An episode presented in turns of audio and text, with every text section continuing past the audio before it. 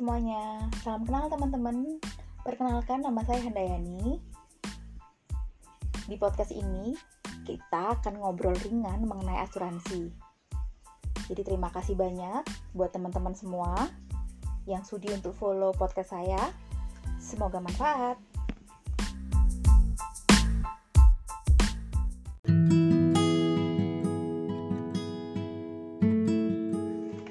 teman-teman, kembali lagi ya. Kita lanjutin di episode pertama kali ini.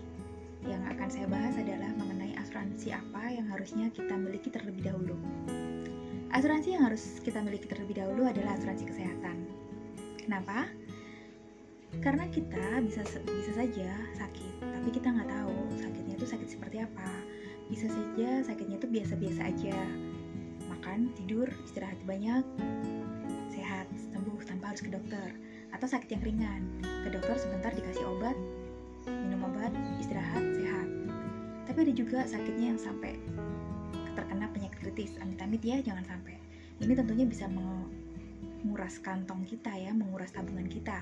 Seperti itu. Sayangkan kalau hasil jerih payah kerja kita selama ini yang kita tabung, yang kita investasikan, akhirnya harus habis untuk pembiayaan biaya sakitnya kita.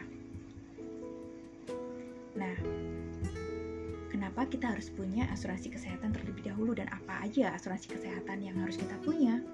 Tentunya hal ini disesuaikan dengan kemampuannya kita.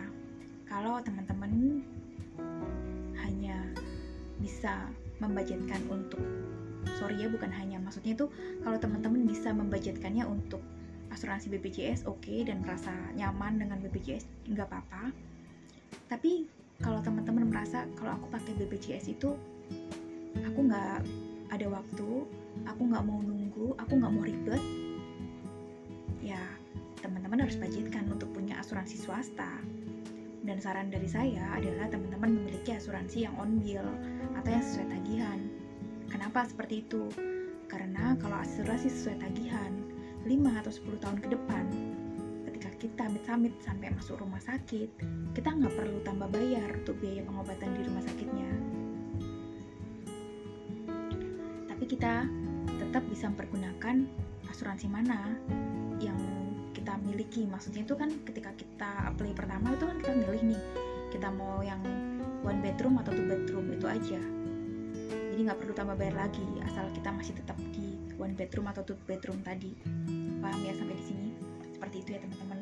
Jadi alangkah baiknya kalau kita itu lengkapin ikhtiarnya kita gitu ya untuk dengan memiliki asuransi kesehatan yang sudah memiliki asuransi dari kantor. Biasanya nih ketika saya ngobrol sama teman-teman yang ada asuransi dari kantor dan mereka merasa udah cukup aku punya ini nggak apa-apa tolong dicek lagi. Limit asuransi kantornya berapa? Biasanya ada limitnya nggak mungkin gak ada limit.